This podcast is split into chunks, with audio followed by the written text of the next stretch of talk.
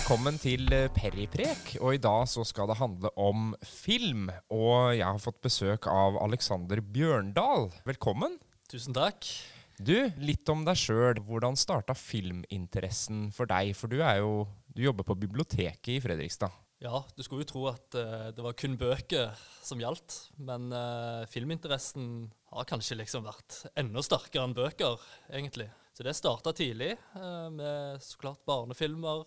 Og i ungdommen så var det jo Det var jo på 80- og 90-tallet, ikke sant. Så det var jo sånn eh, Det var mye Dødelig våpen og på VHS og sånt. VHS-en. Ja. Tenk deg det. Det var VHS-ens tid. Det er folk som hører på det her som ikke vet hva VHS er, Ja, sikkert. tenk det. Ja. Ja. Men eh, ja, måtte alltid spole tilbake. Det, Ja. var, det var veldig viktig. Ja. Vi har jo lagt opp en plan for eh, det programmet her, og det er jo å snakke om våre fem favorittfilmopplevelser. ja. Eh, vi ble enige om at vi ikke kunne ta favorittfilmer, for da det hadde rett og slett blitt eh, for vanskelig og for vondt å velge ut fem filmer og ekskludere alle de andre. Eh, men fem eh, filmer som har gjort et voldsomt inntrykk da vi så dem. Mm. Um, kan du si litt før vi går løs på filmene, uh, om hva du har lagt til grunn for lista di? Det er litt uh, forskjellige ting. Uh, jeg har selvfølgelig filmer som har gjort et veldig inntrykk på meg. Men det er kanskje like mye litt sånn omgivelsene rundt. hendelser rundt, eller om det har vært en spesiell plass, eller Ja, ja, så det her har liksom Det har en story rundt seg. En liten story. Ja. Så jeg begynner liksom litt med, med begynnelsen her, og så den siste helt opp til nåtid. Ja, for Mm. det merka jeg da jeg skulle sette opp min liste. Så har jeg én litt eldre film, men resten er fra 90-tallet, faktisk. Ja. Eh, naturlig nok, for det var da jeg vokste opp. Mm. Og det, var, det, er, det er mange filmer fra rundt sånn 13-14-15 år som jeg så for første gang da, som, som har festa seg veldig. Ja. Um, det er noe med det. Det er litt det samme med meg, ja. Ja. ja.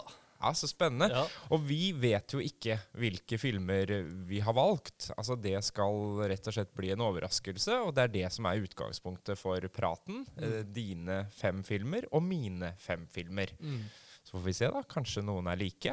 Du starta tidlig med filminteresse, sa du. Skal vi bare gå løs på den første filmen? Kan gå løs på nummer fem for meg. Ja. Vi var jo innom eh, VHS-er, eh, og dette her var Før denne filmen så hadde jeg bare sett 'Dødelig våpen' og 'Conair' og Ikke noe galt, eh, det er ikke noe galt, det. Men eh, det var veldig helt veldig mot, eh, ja, mot skurken, liksom. Ja. Helt til jeg så denne filmen, eller oppdaget denne filmen. Så jeg hadde en, eh, en eldre fetter som drev og passet oss fra tid til annen. Uh, og han leide jo uh, filmer, da, så han så på kvelden uten oss. Men jeg sto jo opp uh, tidlig på morgenen og bare Jeg tror jeg spurte han ja, hva, hva film er det der? Men liksom de Hvis sett Ja, for det skal fram til The Big Lebowski. Au! Ja. Eh, og coveret er jo disse her slackerne utfører med bowlingkulene. Bare, det, det så spennende ut, syns jeg. Ja. Men han bare Nei, det der ja, dette, Den kom vel ut i 98, eller er det enda før? 1998. Ja. Jeg, kan, jeg skal ikke avsløre for mye, men den står også på lista mi. Ah, Ja, altså Det var full treff på første film her. ja. Ja. ja det var, det var kult. Mhm. Han Ja, men- bare litt sånn eh, Nei, det der, den der vil ikke du forstå. Og da ble jeg jo enda mer nysgjerrig, ikke sant? Eh, så jeg våkna jo tidlig på morgenen og gikk til og, og så den her. Og Husker du hvor gammel du var? altså, det var 98. Da var jeg født 83. Ja, Ja, Så det var kanskje året etter han kom ut, eller noe sånt? ja stemmer ja. det. Ja. Ja. Mm. Så nei, og det var Men hva var det med den filmen som gjorde at, eh, at det sitter igjen et sånt inntrykk? Jeg hadde jo ikke sett noe lignende før. Det var noe med karakterene og dialogen og stemninga og, og så klart uh, humoren som uh, førte jo til at jeg ble uh, storfan av Cohen-brødrene. Mm. Ja. For det er jo en Cohen-brødrene-film. Ja. Det handler om the, the Big Lebowski. Det er jo en bowlingfilm. Det er litt stoner-film. Det er Altså Det er jo alltid vanskelig å forklare Cohen-brødrenes filmer. Ja. Men hva vil du si sånn, hvis vi bare skal oppsummere veldig kort hva filmen er? Eh, hvordan vil du gjøre det? Ja, De er jo veldig sånn eh, På en måte er de sånn eh, De er- følger tradisjonen, Hollywood-tradisjonen. Eh, og det er et sånn nikk til liksom film noir-sjangeren. Men de har bare gjort det på sin helt eh, egen måte. Hadde du sett noen Cohen-brødrene før den her? Aldri. Nei. Nei. Jeg, jeg visste ikke hvem de var. Nei, for jeg, sånn jeg uh, kom bort til den filmen her, da, det var jo at jeg faktisk hadde sett Fargo. Ja. Uh, som jo var den forrige filmen de laga. eh, litt basert på at jeg fulgte veldig med på Oscar-utdelinga, og den dukka opp der. Mm. Og det er jo også en film som er veldig tradisjonell, men har disse helt usedvanlige karakterene, da, og måten uh, Joel og Ethan Cohen liksom setter opp et persongalleri på og en story på, Ja. som alltid tar en litt annen retning enn alle andre filmer. ja. Så jeg var jo litt fascinert av den. Og så skulle da, var det jo på en måte The Big Lebowski ble jo bare annonsert som den nye Cohen-brødrene-filmen. ja. Eh, så jeg visste egentlig ikke så mye mer enn det, annet enn at jeg likte Fargo. Mm. Og så klarte jeg å overtale en hel gjeng eh, fra ungdomsskolen, for jeg så den faktisk på kino. Mm. Han kom ut. Eh, Yes. og det var ingen som var interessert i den filmen i det hele tatt. Mm. Uh, men klarte å overtale en hel gjeng, og det var veldig forskjellige folk. Det var litt sånn Skal vi gå på kino? Ja. Den ene ble med, den andre ble med. Og egentlig ikke folk som jeg var veldig sånn i vennekretsen med. Nei. Men jeg tror vi endte opp med å være en åtte-ni gutter Ja. på kino. Ja. Veldig forskjellige. Alle holdt på å le seg i hjel. Ja, ja, ja. Det var bare Vi følte liksom at vi tok over hele kinosalen og bare hadde den for oss sjøl. Så det var jo også en stor kinoopplevelse da, for meg, eh, i tillegg til at eh, det er en av de filmene som man kan ta fram eh, titt og ofte og kose seg med. Jeg tror du er inne på noe der, for det, hver gang jeg ser en Coen-brødrene-film, så føler jeg ah, dette er kun for meg. Ja, det er, ja, det er et eller annet Eller meg og han kameraten jeg er sammen med. Vi forstår denne filmen. Ja. Ja. Ja, den, det er øh, Jeg tror du kan dele folk inn i de som skjønner Cohen-brødrene, og de som ikke gjør det. Ja. Og samtidig så har de jo veldig bredt spekter i filmene sine. For det tror jeg også var en greie med, med The Big Lebowski for min del. Det var at der, det er på en måte en ren komedie, men det er på et helt annet nivå. Ja. Det er ikke Dum og dummere eller uh, Hangover eller alle de andre filmene som man også kan kose seg med og synes er morsomt på en søndag morgen. Ja. Men The Big Lebowski har liksom noe annet. Det Ja. er noe ekstra. ja. Og så har det jo selvfølgelig i absolutt alle roller de beste skuespillerne i, i verden. ja. Um, Alle vil jobbe med de. Alle vil jobbe med dem, Ja. og i The Big Lebowski så er det jo f.eks. Philip Seymour Hoffman dukker jo opp uh, i en liten birolle, men som er helt uh, genial. Mm. Ja. Um, men det er mange uh, fine karakterer. Ja, helt uforglemmelige karakterer. Men bortsett fra The Dude, eller The Big Lebowski, da, som Ja. spilles av Jeff Bridges, hvem, hvem er din favoritt? Jeg falt veldig for Steve Buscemis eh, Eh, Det er et eller annet med Steve Buscemi. ja. Og jeg hadde ikke sett så mange Var han med i Conair? Han var med i Conair. Han Ja. er jo han uh, massemorderen Ja. uh, som har drept Ja, det er, det er mange mennesker. Og ender opp hvor man, man, man tror at han skal drepe en liten jente, og synger, synger høyt på fly. Jeg husket han jo fra, fra den rollen der. Ja. Men uh, etter den uh, Big Lebowski så måtte jeg se alt han var med i. Ja. Ja. Og alt han hadde vært med i. Han er jo en utrolig stødig skuespiller, og alltid hatt en litt sånn corky innfallsvinkel til, til rollene sine. Ja. Donny heter han, er det ikke det? Donny. Ja. Donny. Shut the fuck up, Donny.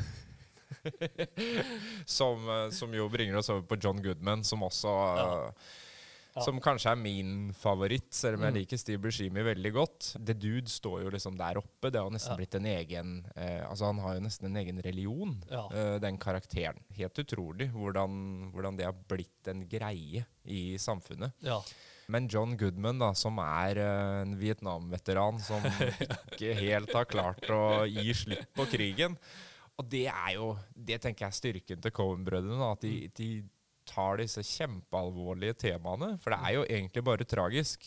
Men man holder på å le seg i hjel av det allikevel. For det er gjort på en sånn god og varm måte. Og Ja.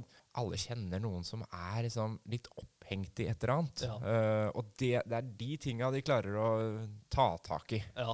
Ja. Og ikke bare i denne filmen. Det er jo hele I, i veldig mange filmer.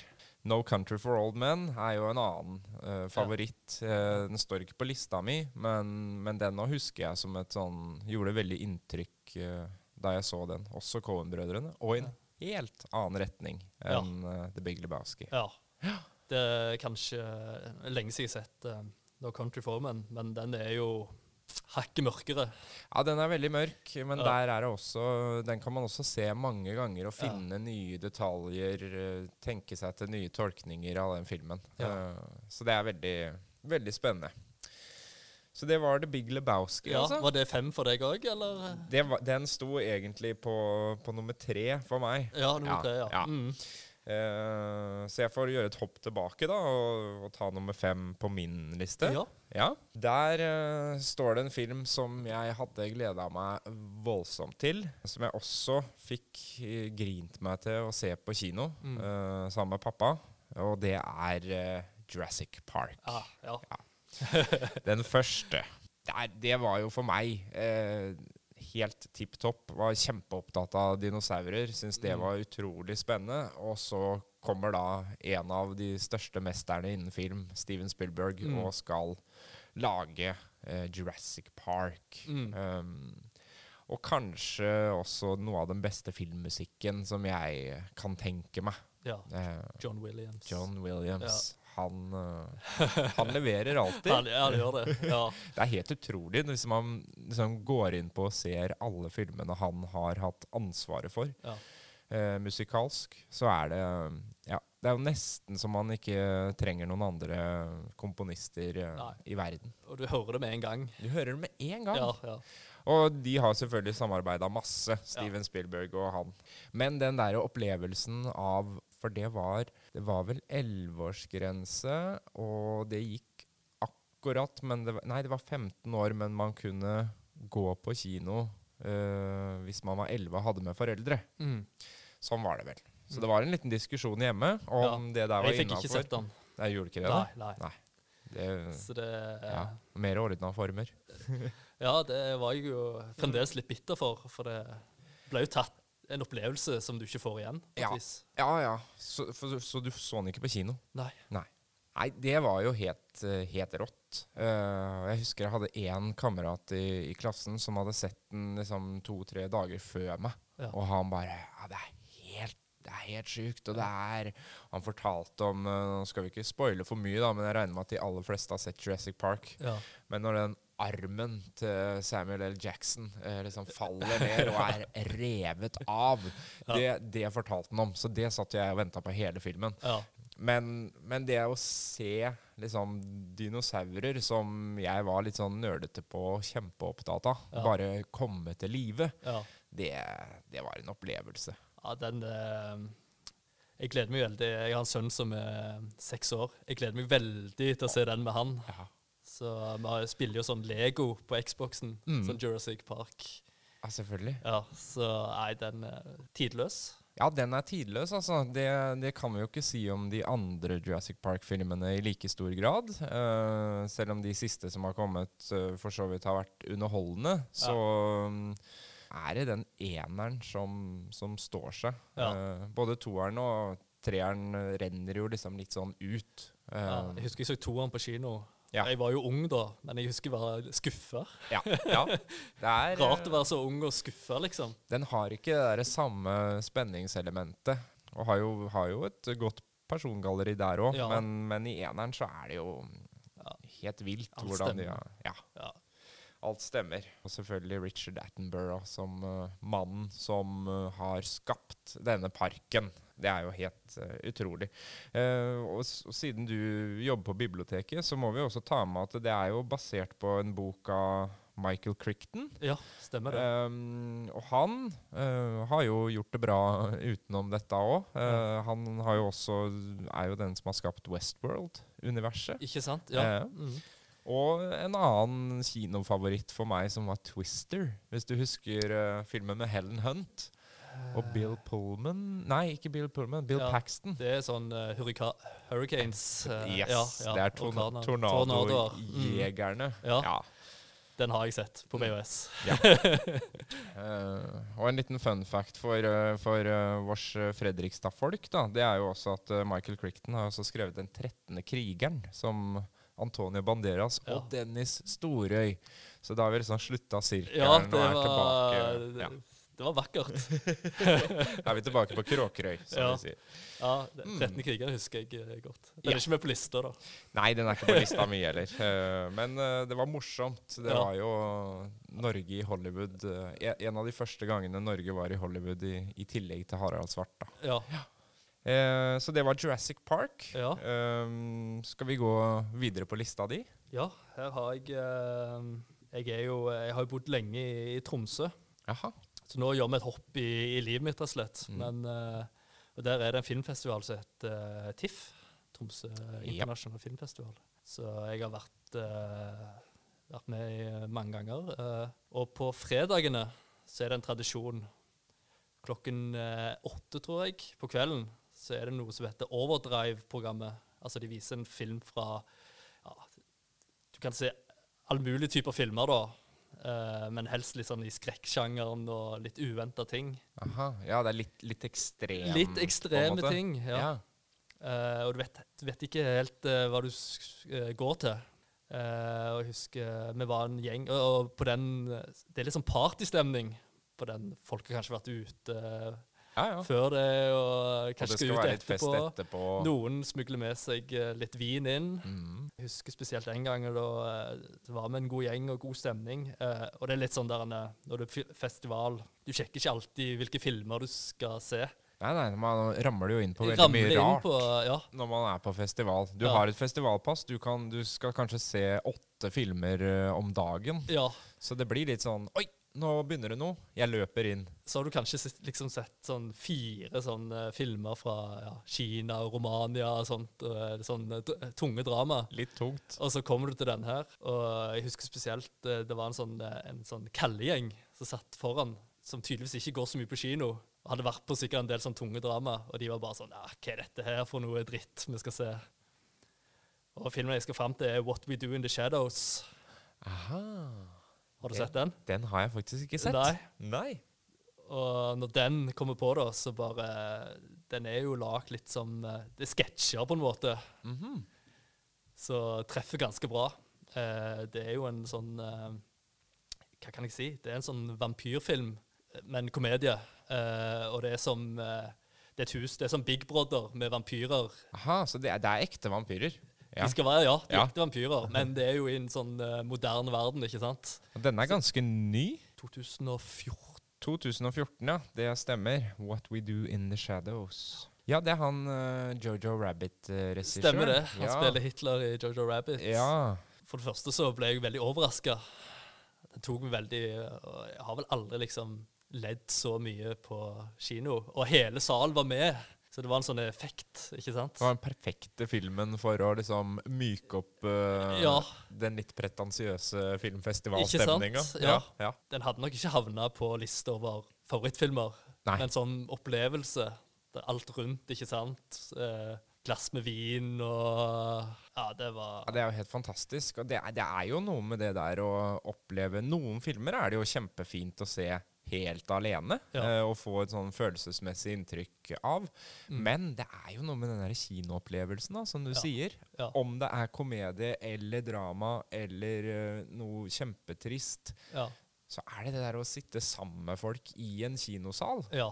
Du nevnte jo det med The Big Lebowski, ikke sant? Ja. Det er bare Eh, det, Latterbrøla kommer Ja. liksom på perfekt timing. Ja. Det, det blir sånn fellesskapsfølelse om at uh, Oi, ja. Det er noen andre her òg som tenker akkurat sånn som meg, Ja. og syns at det var gøy. Ja. Uh, Så det, det var en uh, stor opplevelse. Men hvordan, skal man se den filmen uh, nå, hvis man ikke har den uh, oppbygginga du hadde.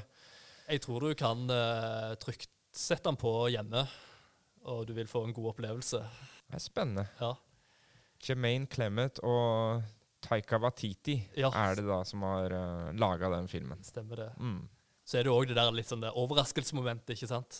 Vet ikke hva du går til. Ja, det er, jo, det er jo veldig gøy. Ja. Um, jeg har ikke vært på så mange sånne kinoopplevelser, men jeg var i Trondheim, så hadde de noe som het Katta i sekken. Ja. Og der dukka det opp en film som het Dead Man's Shoes. Ja, den har jeg sett, ja. Den var også sånn Ja. Det var en film som passa veldig godt å ikke være forberedt på, ja. hvis du skjønner. Ja, Eh, det skjønner jeg, eh. Den hadde, vi visste ingenting om den, den hadde ikke kommet ut ennå. Den liksom rulla opp på skjermen. Ante ikke hva det var for noe. Men det ble en ganske sånn heftig opplevelse, det. altså. ja, den det, sitter godt. ja, den sitter godt i. Ja. Og det er, det er en film som uh, Hvis man leser om den, så er man jo forberedt. Men den, den gjør seg med å ikke, Ja. ikke være forberedt på. ja. Så det Skal vi gå videre på Da, da har vi kommet til min fjerde, da. ja. Ja. Og den har litt sånn direkte sammenheng uh, mellom uh, den neste filmen min. Ja. Men jeg skal ikke avsløre den ennå, annet enn å si at jeg så begge disse filmene på samme kveld. Så det her var jo en filmkveld som virkelig har, eh, har satt seg, da. En double header. En doubleheader, Ja. rett og slett. Ja. Jeg skulle til fetteren min, som bodde i Oslo, som er eldre. Hei, Freddy. Og han Altså, pappa og jeg hadde alltid en sånn greie at hvis uh, mamma skulle på et kveldskurs eller uh, noe sånt, Mhm. så plukka vi fram en voldsfilm Ja. som mamma uh, ikke lot meg se. Nei, du var ikke godt god for den. Hadde aldri skjedd. Nei. Eh, det starta liksom i det litt forsiktige med James Bond-filmene. Mm. Eh, der var det liksom både sex og vold, som mamma tenkte «Å, nei, så Mm. må vente litt med det. Ja. Eh, og så ble det over på, som du sier, dødelig våpen, Arnold Schwarzenegger Altså Ja. de type actionfilmene. Gladvold. ja, Ja. og ikke minst Clint, uh, Clint Eastwood, Mm. som uh, fattern var veldig glad i. Så vi så liksom Dirty Harry og alle de. Mm. Ja. Som nå jo ikke er så veldig farlig, uh, og sikkert hadde hatt tolvårsgrense. Men på den tida så var det litt sånn rått, og det var Ja. ikke alle som fikk lov til å se det. Nei. Men så var det jo noen filmer da, som jeg spurte veldig om, som eh, til og med pappa sa at nei, Ja. dem skal du ikke se ennå. ja. Nå er jeg spent. Her er jeg rett og slett tolv år gammel uh, og tropper opp hjemme hos fetteren min og skal overnatte hos uh, han og sier jeg har lyst til å se skikkelig skrekkfilm. Mm. Ja, sier han. Da er det jo, det er jo to bra, da. Eh, så vi dro ned på, på videosjappa og leide Motorsagmassakren, eh, Ja. som jo var eh, noe for seg sjøl. ja. Men det som virkelig satte spor, det var The Exorcist. ja. Ikke Fra sant. 1973. Ja. Uh, William Friedkin, som er eh, regissør. Og den, den filmen, den uh, satte seg godt under huden.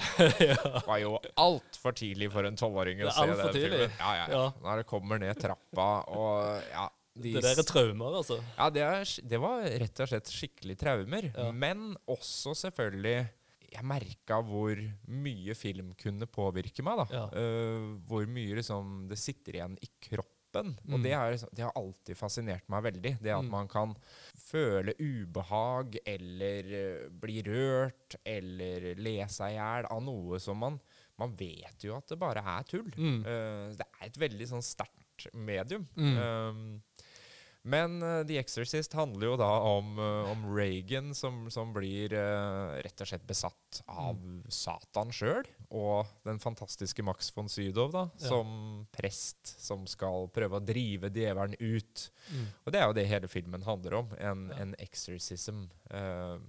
Den har så mange klassiske scener. Ja, det er så mye bra. Og da jeg så den, så, så tenkte jeg jo ikke over at det var eh, holdt på å si spesialeffekter, eller hvordan de har løst det. Eh, Mm. altså Det var helt virkelig for meg. Mm. når man ser nå, så ser man jo hvordan ting er gjort. Mm. Men jeg mener jo fortsatt at den holder eh, standard veldig, veldig høyt. Ja. Den er eh, den, hadde, den står ikke tilbake på, for noe som blir laga i dag mener jeg. Nei, det er jeg veldig enig i. Ja. Ja. Og har jo også et eh, fantastisk eh, soundtrack og bare en stemning i, i filmen. Eh, så der eh, er det jo også en, en veldig bra podkast Mm. om The Exorcist, som, uh, som alle bør uh, høre. Og den podkasten, den heter Inside The Exorcist. Så hvis man bare søker opp det, så, så får man en uh, veldig flott uh, fortelling av en som heter Mark Ramsey som Mm. har tatt for seg hvordan produksjonen For det skjedde jo veldig mye rart. ja. Det var som om Satan sjøl hadde en liten lillefinger med i eh, hver eneste scene. Jøss. Eh, så det er Den må jeg høre, altså. Ja, den er veldig, veldig bra. Så den anbefales. Da lå jeg altså Skulle jeg sove på eget rom i et eh, hus jeg aldri hadde vært i før, Ja. hos fetteren min, og det pøsregna. Ja. Eh, og jeg lå med hodet liksom mot vinduet. Ja. Eh, sånn at du, du, hadde, du så jo ikke det vinduet. Eh, og det regna inn på vinduet, så Ja. hele tida så var det sånn På ruta. Ja. Jeg tror ikke jeg sov ett sekund den natta. Jeg lå liksom bare med vidåpne øyer og tenkte at der, nå kommer Satan og tar meg. ja. og den, den effekten hadde The Exorcist eh, på meg. Skrekkfilm er jo noe for seg sjøl. Jeg syns vi burde ha en uh, egen podkast om skrekkfilm, kanskje. Vi bør nok ha en skrekkfilmspesial. Ja. Uh, hva, hva som gjør at vi blir så skremt. For det Min nummer tre er jo òg en uh, skrekkfilm. Det er en skrekkfilm, Ja, så vi følger hverandre ganske Ja, men bra da her. går vi videre. Ja. Ja. For det er jo også en sånn ting Jeg har jo på en måte, når jeg har valgt disse favorittfilmene, så har jeg jo valgt litt fra hver sjanger òg. Ja. jeg har ikke tatt fem dramafilmer, selv om kanskje det er det jeg har sett mest. Mm. Uh, så vil man jo liksom må ha de ulike opplevelsene. Ja. Men da kjører vi din nummer tre. ja, for det er jo òg en sånn uh, hjemme alene se film når eh, foreldre var ute. eh, opplevelse, og det var jo 'Ondskapelsens hotell'. Oh, ja. Ja. Den, altså det sto mellom uh, The Shining eller Ondskapens hotell da, Ja. og The Exorcist for Ja. meg òg. Ja, litt for ung. Eh, men det er rart. eh, den er skummel den dag i dag, altså, når Ja. jeg ser den. Ja. Den er veldig skummel den dag i dag. eh, og Kanskje på en annen måte. Jeg vet ikke.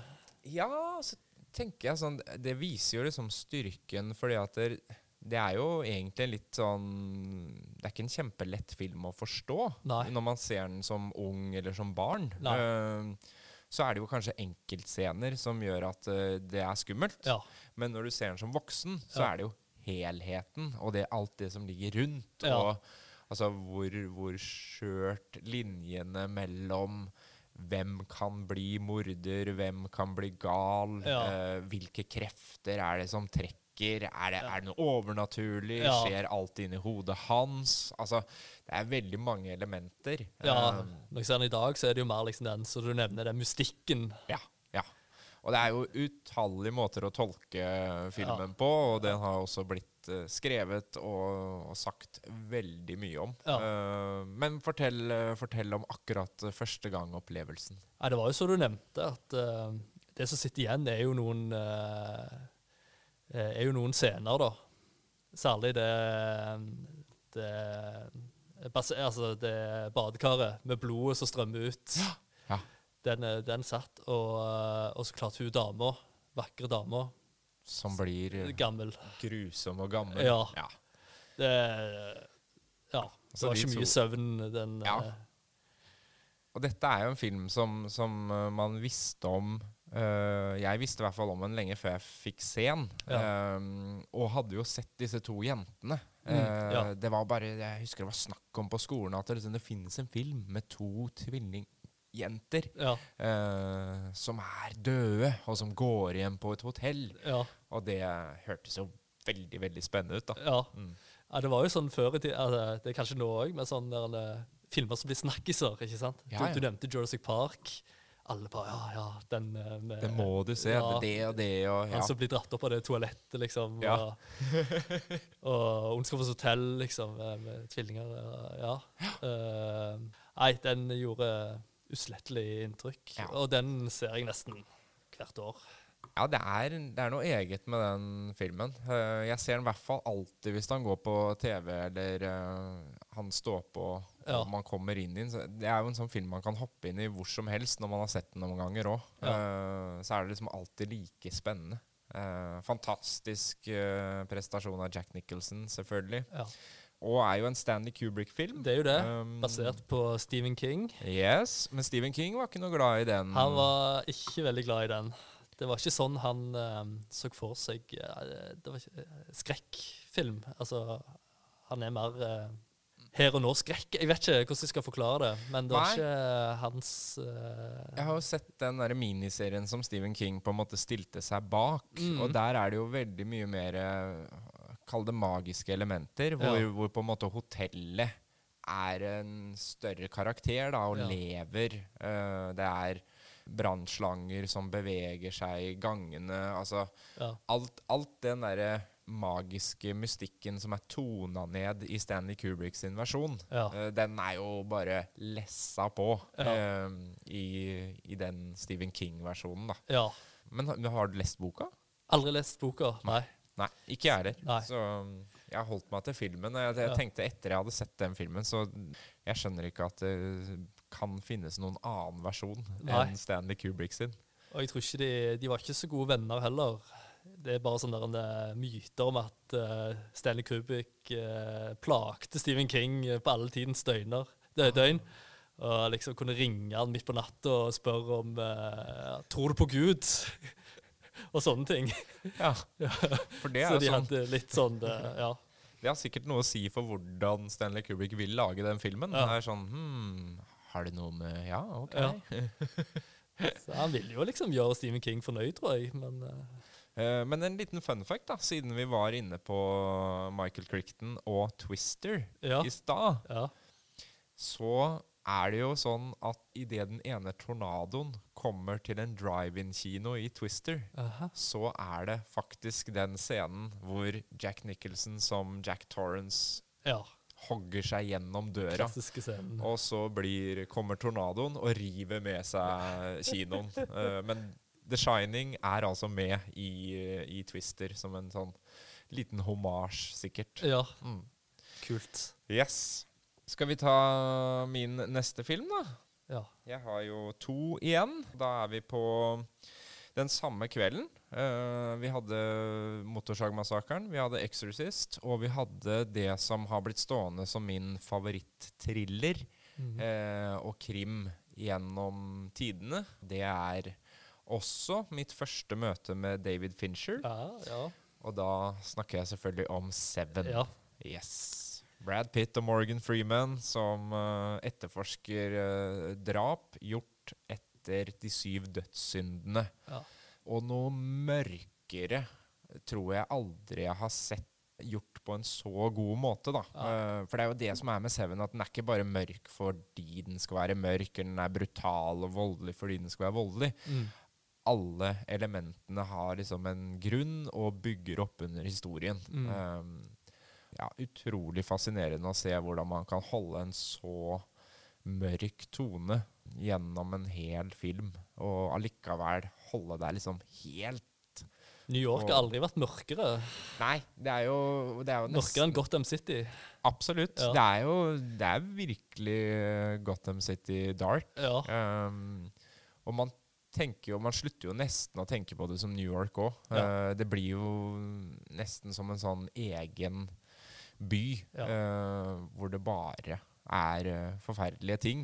Og vi ser jo, vi hører jo mye av filmen fra holdt på å si Morgan Freemans litt pessimistiske syn. Mm. Uh, og så kommer Brad Pitt inn som en litt sånn ja, mer eh, fyrig, eh, ung politietterforsker som Mm. har mye håp. Men det håpet, det blir jo etter hvert eh, Ja, ja. det er ikke, det er ikke så lystig. Nei. Eh, Den så jeg faktisk igjen for et par dager siden. Gjorde du det? Ja. Ja. Og den har holdt seg utrolig godt. Ja. Den er Den eh, er bare Og uh, meg som bibliotekar er jo veldig glad for den. Det er jo en veldig eh, berømt bibli bibliotekscene med- der han kjøper informasjon Ja. For å komme på sporet etter denne seriemorderen. Og bare rusler inn Ja. og går og blar i Paradise Lost og i Ja. Dantes Inferno og Ja. andre liksom referanser som denne morderen da tydeligvis har brukt. Um, og det er jo en annen ting med Seven, at det er jo en, det er en veldig smart film. Eh, masse referanser, masse detaljer som man kan se om og om igjen og plukke opp. Jeg hadde glemt hvordan eh, eh, litterær han er, egentlig. Det er veldig mye Altså Mm. Morgan Freemans karakter er jo en som hele tida uh, siterer eller refererer til liksom de store, klassiske verka, da. Mm.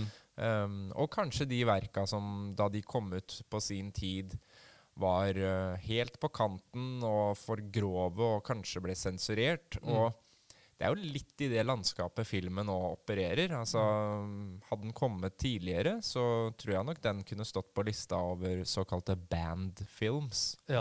Um, Det hadde han eh, definitivt. Ja. Så jeg har en liten sånn, eh, sånn hobby som jeg har hatt under eh, denne litt spesielle tiden min nå. Der jeg For det, jeg har en del Playmo hjemme. Det, Ja. ja, leketøy. Og jeg lager sånn kjente altså, scener fra, fra filmer da, i Plymo. Så legger jeg det ut på Facebook eller eh, sammen med min, eh, min kjæreste, da. Også, det ligger vel noen på Fredrikstad bibliotek? ja, nå er de Ja. havna på Fredrikstad bibliotek òg. Ja, så Og det der var jo blant annet Seven, da. Yes. Ja.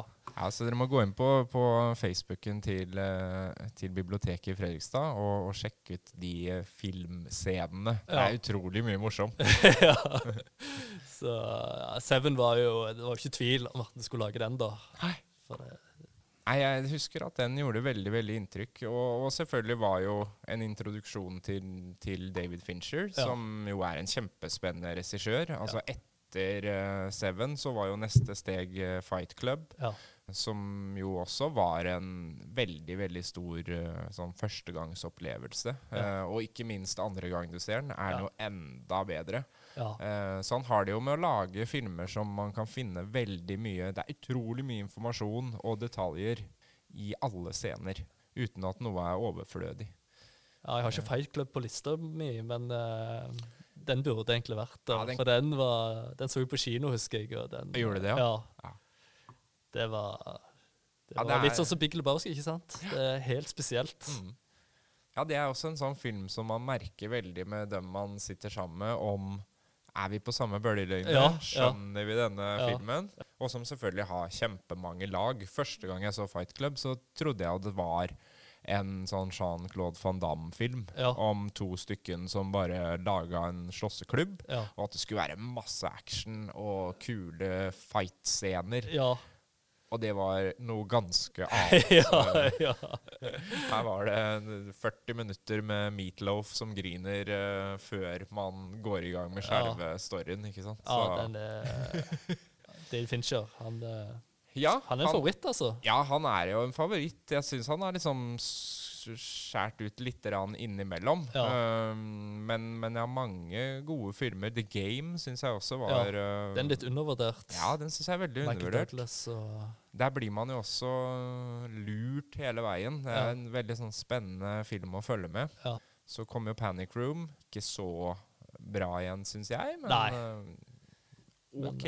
Uh, Social Network syns jeg jo fungerte veldig bra. Men selvfølgelig da mye pga. Aaron Sorkin, som har skrevet et manus som uh, er det er, jo, det er jo en flyt. Ja. Altså De to sammen skaper jo en sånn dynamikk og en flyt i filmspråket som er uh, helt unikt. mm. Nei, Han er liksom en sånn moderne Hitchcock.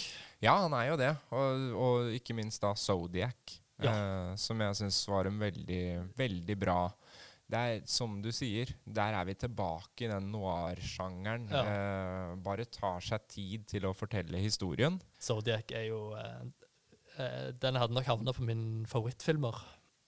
Det er jo en film man kan se utrolig mange ganger. Ja. Finne nye detaljer, finne nye teorier. Eh, og ikke minst en kjempespennende sak da, Ja. eh, om The Zodiac Killer. Som ennå ikke er løst. Ikke løst. Nei, men de har vel håp nå. Med, med, jeg leser litt sånn med sånn Ja. moderne etterforskning og, eh, og DNA og sånt. Men eh, Ja, De tror de kan liksom, finne et endelig svar nå. ja, ja, det er visst noe på gang, men Ja. eh, Spennende. Det tar tid. Ja, da er vi på deg, da. Ja. Ja. Min nummer to. Din nummer to. Ja. Og nå skal vi litt eh, nå nylig. Eh, og det er jo eh, rett før eh, denne koronakrisen. Mm. Da eh, Jeg visste jo ikke hva som kom til å skje. Jeg visste at noe stort eh, var på vei. Eh, men jeg visste jo ikke at, uh, at vi skulle være innendørs så, så, så lenge. Og, ja. Fram til og med sommeren, og kanskje ja, enda lenger. kanskje lenger. tid. Eh, men jeg visste at jeg måtte se denne filmen på kino, og det var 'Parasite'. Der kom den. Bong og det var jo en veldig Jeg tror det var på mandagen, og ting skjedde på onsdagen eller torsdagen. Så dette var midt oppi uh, selve utbruddet av korona. Så, Ja, så altså går rett du, før ja, iallfall ja, at uh, samfunnet stengte ned. Så går du og ser Parasite. Ja. Og det er meg og fire til i salen, Fredrikstad kino. Så vi, uh, vi opprettholder jo den tometersregelen ganske fint, da. uh, den var Den har det jo vært veldig mye snakk om, men jeg ble ikke skuffa. Den, eh, jeg ble eh, egentlig bare Ja. eh, Det var som å lese en veldig god novelle Mm. med veldig så sterk symbolikk. Ja. Um, handling er jo en fattig familie i, i Sør-Korea Ja, Seoul. Sør-Korea. Ja. som får litt sånn innpass i en sånn veldig rik familie, med at sønnen blir sånn lærer for uh, dattera der. Og så lurer de seg inn én etter én og blir liksom uh, tjener og sjåfør. Og så helt til alle er liksom inne der. Så skjer det mye, da. Ja. Ja. Har du sett jo- den? Jeg har sett den. Ja. Jeg har sett den. Uh, og det er jo en sånn film som man Som også gjør seg å vite lite om, egentlig. Eh, det er jo ikke sånn Jeg var på kino på en samme mamma, som var litt skeptisk til at det liksom OK, det er sørkoreansk, eh, to timer mm. Mm. Tenkte ikke på det i det hele tatt. Eh, den har jo også litt sånn ja, Hitchcock-stemning over seg. Ja. Um, alle som er redd for uh, fremmedspråklig film, kan bare trygt sette seg ned og se denne filmen, Ja. uh, og så hoppe over til andre filmer etterpå. Ja. Um, fordi det glemmer man med en gang. Ja. Uh, og den har jo, som du sier, et filmspråk som gjør at man blir veldig fengsla, uavhengig av språk og hva som blir sagt. Ja. Det er utrolig mye å, å se på, og utrolig mye stemning Ja. i, i filmen. Og så blander han jo sjangre her, ikke sant? Mm. Plutselig er det skrekkelementer, og så er det thriller, og så er det sosialrealisme, ikke sant? Ja, da, det, er jo, det er jo filmlek, rett og Veldig, slett. Det veldig. er det. Um, så jeg hadde også veldig, veldig sansen for den. Uh, var nok Hadde nok kanskje bitte lite grann for mye hype Ja. uh, da jeg så den. Ja. Altså, fordi det var etter uh, Oscar-utdelinga. Mm. Uh, den hadde vunnet alle de store prisene. Ja. Så det, det hadde nok vært bedre for meg om jeg hadde sett den før det. For da var den på en måte var så veldig genierklært. Ja. Eh, og da skal det jo litt å leve opp til det, men Ja. absolutt ikke skuffa. Kosa meg skikkelig. Men med forventninger eh, som var så høye, Ja. så, så skulle jeg ønske at ikke jeg hadde visst eh, liksom, så mye om den før jeg så den. Ja, det kan være veldig ødeleggende. Mm. Uh, og jeg savner kanskje litt sånn, uh, sånn der, Når du har sett litt sånn uh, sørkoreansk film, så ofte får du et sånn et slag i magen. Eller, filmene føles som et slag i magen. Ja. Det, og det hadde ikke den her. Nei, eh, På samme var, måte. den hadde Jeg syns den hadde Oldboy, hvis du eh, sa Old, var, det, det var Ja. akkurat det jeg skulle Ja. si. Oldboy har jo det. Det er jo et knyttneveslag Ja. eh, til og med litt under magen. det Ja. Så det er jo den ultimate opplevelsen, tenker jeg. For, altså, hvis vi skal se på sørkoreanske filmer, da, Mm. så mener jeg jo at liksom, Oldboy er helt i en egen klasse, og Ja. også på verdensbasis. Ja. Kunne aldri vært laga noe, noe sånn Nå har det jo kommet en remake. eh, Spike Lee. ja. Ja. Eh, men jeg mener jo at der, uh, ingenting lever opp til uh, den originale uh, Oldboy. Jeg skjønner ikke helt hvorfor de gjør, eh, gjør Det det. er veldig rart eh, grep. Og rart at så gode regissører har lyst til å på en måte ta noe som er perfekt. Ja. For det er sjelden man kan si det om film, men akkurat Oldboy og Oldboy er uh, Mm. en tilnærma perfekt film. Mm. Ja. Jeg følte det var rett film til en veldig spesiell tid.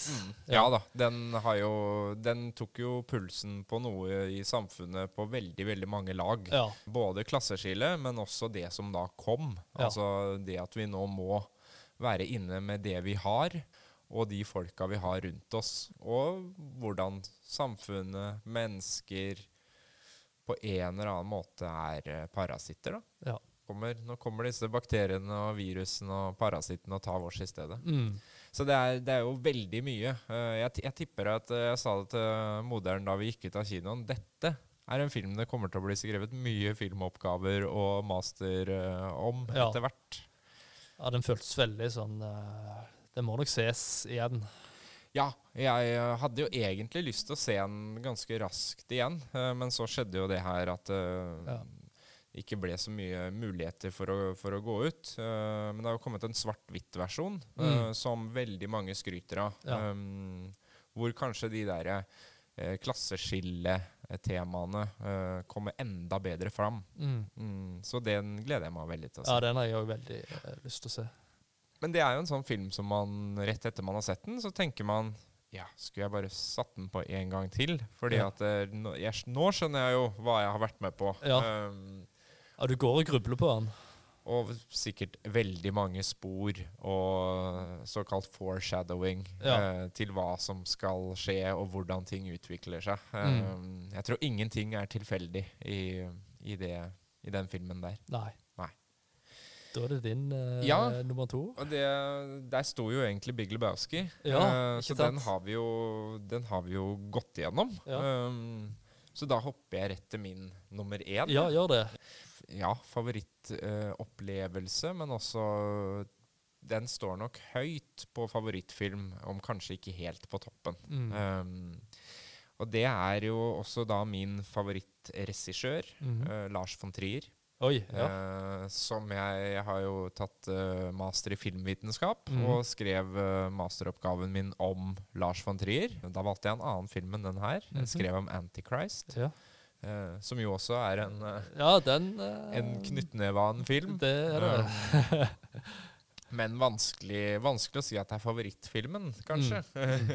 da Ja, det er litt er det noe sånn- gærent med det. Ja. Men uh, det er kanskje like ille å si at uh, 'Breaking the Waves' fra 1996 Mm. er uh, en stor favoritt. Og det var jo også da introduksjonen til Lars von Trier, og det er jo derfor han står så sterkt for meg.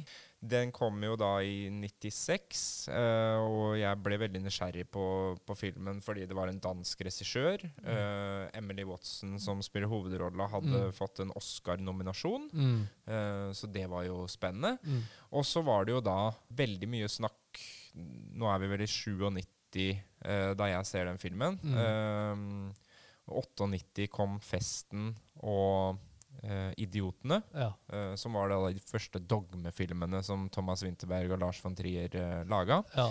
Uh, dogme 1 og Dogme 2. 'Festen' var 1 og 'Idiotene 2'. Ja. Og det var jo Det ble jo da introduksjonen til, til von Trier. Um, og der ser man jo liksom hvor han er på vei. Eh, Mm. altså med eh, 'Breaking the Waves', som er en veldig sånn håndholdt kamera, ganske rufsete stil. Mm. Eh, mens man brukte fem år på å spille inn, og øh, jobba seg i hjel for å liksom få ferdigstilt. Mm. Um, så, så er det jo veldig mange sånn dogmeelementer der. Mm. Eh, men det er også sånn stillplakater, veldig flotte bilder som river deg litt ut av den derre veldig realistiske opplevelsen som filmen ellers er, da. Hvem er det som spiller her mannlig? Det er Emily Watson, og så er det Så er det Stellan Skarsgård. Ja, Og han eh, Det er en sånn ulykke på en oljeplattform, er det ikke det? Ja. Ja. eh, Det, det handler jo om eh, Bess som eh, skal gifte seg med en eh, kar som eh, med Jan, som jobber på oljeplattform. Mm. Eh, og de Hun kommer fra et veldig sånn pietistisk kristent eh, miljø i Mm. Skottland. Mm. Og så gifter hun seg med da en utenfor bygda. Altså Mm. en litt sånn moderne, eh, faretruende mann for disse gamle, eh, ja, ortodokse menneskene. Mm. Um, så, så han kommer jo inn og liksom bryter opp eh, samfunnet litt. Um, og det er jo også liksom en sånn slags kamp at de skal få være sammen. Eh, og hun er veldig troende. Um, og så uh, skjer det da en ulykke Ja. uh, hvor han uh, tilsynelatende blir lam og ligger nesten og venter på, på døden. Og, hun har jo da Bess har samtaler med Gud Mm. gjennom seg sjøl. Mm. Altså Gud snakker ikke til henne, men hun opplever at hun har en diskusjon med Gud. Eh, og det um, fører da til at på et eller annet tidspunkt så sier Gud at kanskje du skal uh, tilfredsstille an andre menn eh, for å hjelpe Jan. Mm. Og så begynner man jo på en sånn grusom ferd i fornedrelse og nedbrytelse av, av mennesket. Ja. Som jo er på mange måter Lars von Triers religionskritikk. da. Mm. Hva, hva gjør religionen med folk når man slutter å tenke sjøl, Mm. og bare handler ut fra hva man tror man skal gjøre for en høyere makt? Ja. Så det var jo et tema som Det er jo en film som provoserer veldig, eh, og som har mange sånne drøye elementer. Eh, men som jeg syns var kjempespennende å se at man kunne ta et sånt tema og liksom bare filleriste det fullstendig. Mm. Um, og det opplever jeg at Lars von Trier har fortsatt med i alle filmene sine. Det er jo noe som går igjen her, ja. Det er jo det. det er, uh, altså, han kan lage skrekkfilm med Antichrist, men da er det en tung, sinnspsykologisk uh, skrekkfilm som Ja. ikke ligner noen ting. Nei. Han kan lage Dogville, hvor han bare kritter opp uh, inni en svær hall Ja. og skriver 'dette er ditt rom', og 'der er ditt rom', og så går skuespillerne rundt Ja. og spiller som om det er vanlige hus, og forholder seg til eh, strekene som om det er veier. Og det funker. Altså. Det er jo egentlig bare teater filma. Ja. Men måten han gjør det på, og storyen, gjør at det blir uh, utrolig sterkt. da. ja. Så han har, han har liksom et eller annet, han har en take på ting som, som ingen andre har. Litt som Kubrick, mener jeg, da. Eh, så når Kubrick lager en krigsfilm, så er det ikke en vanlig krigsfilm. Nei. Og når uh, von Trier lager en katastrofefilm, så er det ikke Independence Day eller uh, 19, nei, 2012. Mm. Da er det melankolia og verdens undergang på en veldig, veldig dyster eh, og psykologisk måte. Ja, altså The House That Jack Built. Yes. seriemorderfilm, Ja. men eh, det er òg Ja. noe mer. Det er noe veldig mye mer. Ja. Uh, og der er, vi jo, der er vi jo litt tilbake på det litterære igjen. Ja. House That Jackpilt» har jo ekstremt mange litterære referanser, eh, litt som Seven. Mm. Det er jo det landskapet. Ja. Men jeg husker at, eh, at den fanga meg utrolig, uh, den stilen med å kunne, kunne gjøre noe så holdt på å si, simplistisk og enkelt. Det, det så ut som om det var nesten laga med en, et hjemmekamera. Ja. Um, og samtidig så bra gjennomført og så god historie. For det var jo en del med disse dogmefilmene. De hadde sånne strenge regler. Ja, og det, det ser man jo liksom litt starten av i 'Breaking the Waves'. Mm. Uh, der var det veldig sånn enkelt uh, håndholdt kamera, ikke noe ekstra lys, lyssetting. Mm. eh, men gjort en del på lyd. Mens i da neste eh, film, som er full dogme, så har man jo da bare eh, lyd som foregår Altså diegetisk lyd, som det heter. Mm. Eh, Ikke-diegetisk lyd er jo alt det du legger på etterpå av lydeffekter eller musikk. Mm. Eh, mens i dogmefilmene skal det jo bare Altså skal man spille musikk, så er det, skal det spilles fra et stereoanlegg som står på i rommet. Ikke sant? Ja. Um, så han, uh, von Trier og Thomas Winterberg lagde seg jo disse reglene, som du sier. Mm. eh, som er ikke noe ekstra lys. Alt skal være håndholdt kamera. Mm. Veldig naturalistisk, da. Mm. Og, og ikke minst realistisk blir Ja. det jo da. Ofte sjokkerende. Ja, ja. Eh, og det er jo det, altså man kan jo lage mange filmer på den måten uten at eh, det har noe, noe sjokkeffekt. Ja. Men, men 'Idioten' nå har jo på en måte et, et tema som, som gjør at eh, det blir noe, blir noe ekstraordinært. Ja. Mm. Og det er jo første, 'Breaking the Waves' er da første filmen i The Golden Heart Trilogy, som eh, består da av 'Breaking the Waves' og 'Idiotene' og 'Dancer in the Dark'. Ja. Som alle har eh, kvinner i hovedrollen som er, eh, har for store hjerter eh, Ja. for sitt eget beste. Ja. Så, det, så får man tolke det som man vil. Det er jo mange som har sagt at Lars von Trier er, uh, er kvinnefiendtlig og hater kvinner. Eh, men han er nå da en av de få regissørene i verden som alltid har kvinnelige store hovedroller Ja. uh, som bærer filmene. Mm. Så ja. Nei, det kan diskuteres. Det er veldig kan, spennende. Uh, det, det kan uh, en egen Lars von Trier-podkast. Ja, det skal vi ha. Altså, det, det er helt klart. Vi Ja. kan nesten ta film på film. Men Jeg husker jo med Jeg tror første samtalen vi hadde om, eh, om film, Ja. det var etter en sånn kulturmiljø. eh, ja, Da var det jo Lars von Trier vi snakket om, Ja. husker jeg. Blant annet.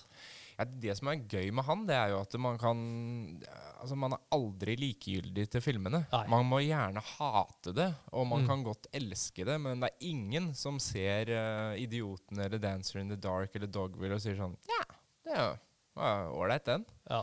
det, altså, man må på en måte ta et standpunkt da, Ja. når man ser en Lars von Trier-film. Ja. Og, det, og det er veldig åpent. Han, han presser jo ingenting nedover huet på deg. Han Nei. sier bare 'Dette er det du får.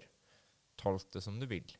Og det syns jeg er veldig befriende med en, en Ja, filmregissør jeg er veldig glad i Nå har ikke jeg sitt, s- s- sett de siste Lars von Trier, men uh, jeg hadde en periode der uh, ja, Melankolia husker jeg veldig godt. Mm. Og, gjorde veldig, og Dogville, så klart. Og, nei, det, det er stor kunst.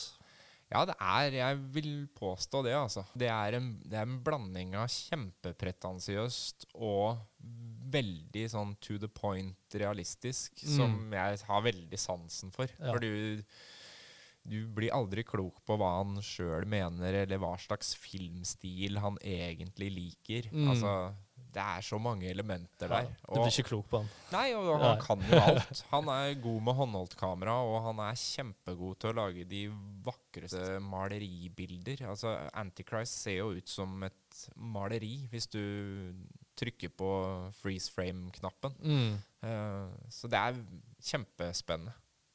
Ja, eh, det var 'Breaking the Waves', Ja. uh, som var min Det ble jo da min siste film. Det ble og det, da ja. får du rett og slett æren av å avslutte, Alexander. Ja, dette her er da en uh, helt unik filmopplevelse. Det er um, skal tilbake igjen til Tromsø, og der uh, Cinemateket der. Og der har de noe som heter stumfilmkonserter. Ja! Har du vært på det noen gang? Jeg har uh, vært på én, men det var uh, Det var Å, hva heter den filmen igjen? 'Andolisiske hund'? Ja. Ja. Den Dali og Yes. Buñuel. Ja. er jo kjempespesiell. Ja. Uh, og ganske drøy. ja. Der var det Men det var faktisk Det var en hiphop-konsert. oi. det var Gode ord dør sist, Ja. som er et hiphop-band fra Trondheim, Ja. som gjorde en greie øh, til den. ja. Så det var eh, veldig, veldig gøy. Ja. Eh, men det vanlige er jo kanskje at et klassisk orkester eller eh, lignende spiller. Men eh, det jeg skal, det filmen jeg skal fram til, er en eh, stumfilm fra 1922 som heter 'Heksan'. Har du hørt om den? Nei! Nei. Det er en veldig spesiell sak som eh, den, eh, Det er en svensk film. Oi. Fra Hvis 1922. du slår den opp, uh, Ja. Som tar for seg eh, hekseprosessene.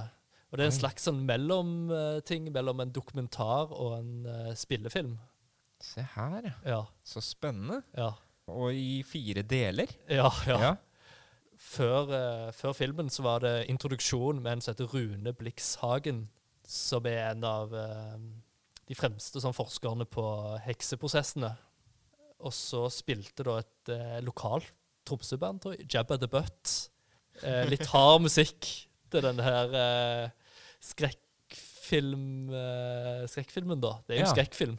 Ja, og det høres jo kjempespennende ut. Ja, det var helt eh, det er en svensk film med en, med en dansk regissør, Ja. Benjamin Christensen. Benjamin Christensen, ja. Og øh, har øh, noen voldsomme elementer av vold og tortur i seg. Eh, må han jo ha når han uh, Ja. beskriver hekseprosessene. ja.